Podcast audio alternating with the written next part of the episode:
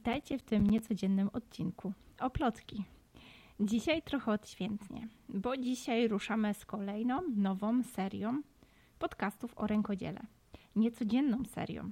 Serią, którą zadedykowałyśmy dawnym twórcom rękodzieła i obecnym twórcom rękodzieła. Rękodzieło wczoraj i dziś.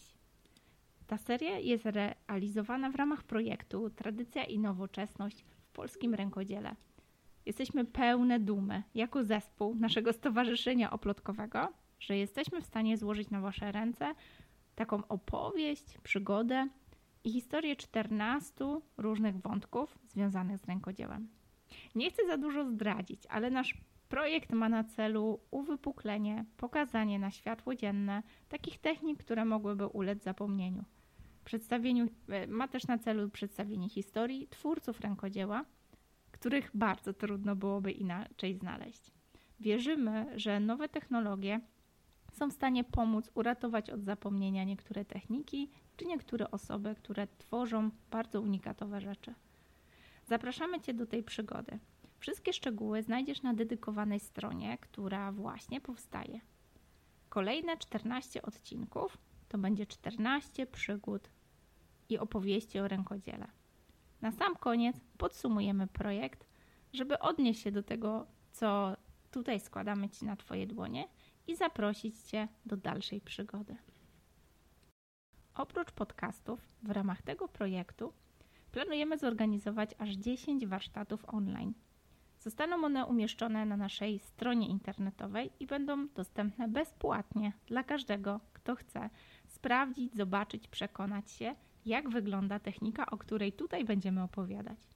Jako, że format podcastu nie pozwala na zbytnią e, wizję, będzie trzeba sobie dużo wyobrazić.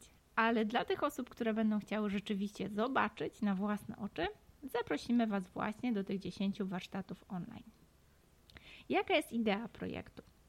Czujemy wielką dumę z polskiego rękodzieła. Celem naszego projektu jest takie wzmocnienie tożsamości narodowej przez zapoznanie się z naszą spuścizną. Nie tylko spuścizną kulturową, ale też taką tradycją, folklorem. Chcemy pokazać Wam transformację dawnych technik rękodzielniczych, pokazać Wam, jak zmieniły się na przestrzeni czasu. Celem tego projektu jest również takie rozbudzenie twórczych zainteresowań w młodym pokoleniu. Mamy nadzieję, że zarazimy bakcylem rękodzieła bardzo skutecznie. Kolejnym celem oczywiście jest zaprezentowanie polskiego rękodzieła poza granicami kraju oraz wśród Polonii. Dlatego nie zdziw się, kiedy druga część każdego z odcinków będzie nagrywana po angielsku. Mamy nadzieję, że dzięki temu projektowi zainteresujemy rękodziełem osoby z niepełnosprawnościami, bo przecież rękodzieło możemy potraktować jako formę rehabilitacji czy rozwijania zdolności manualnej albo wzmacniania pewności siebie, uczenia wiary we własne siły. Mamy również nadzieję, że to rękodzieło stanie się narzędziem do chęci przedstawienia się, poznania innych rękodzielników. Celem projektu jest zainteresowanie tą tematyką również dzieci. Z naszego doświadczenia wiemy, że dzieci bardzo chętnie uczestniczą w projektach związanych z rękodziełem. Mam nadzieję, że zachęcimy również najmłodszych, aby dowiedzieć się trochę więcej o różnych dawnych technikach, strojach, tradycjach, formach ludowego spędzania czasu. Wierzymy, że ten projekt spotka się z Waszym zainteresowaniem, więc zachęcamy do słuchania kolejnych odcinków. Żeby nie zdradzać zbyt wielkich szczegółów i zbudować dodatkowe napięcie, zapraszam Cię do kolejnego odcinka, który już za tydzień.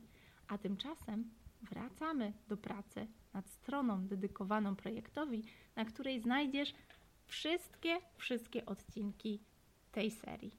Do usłyszenia.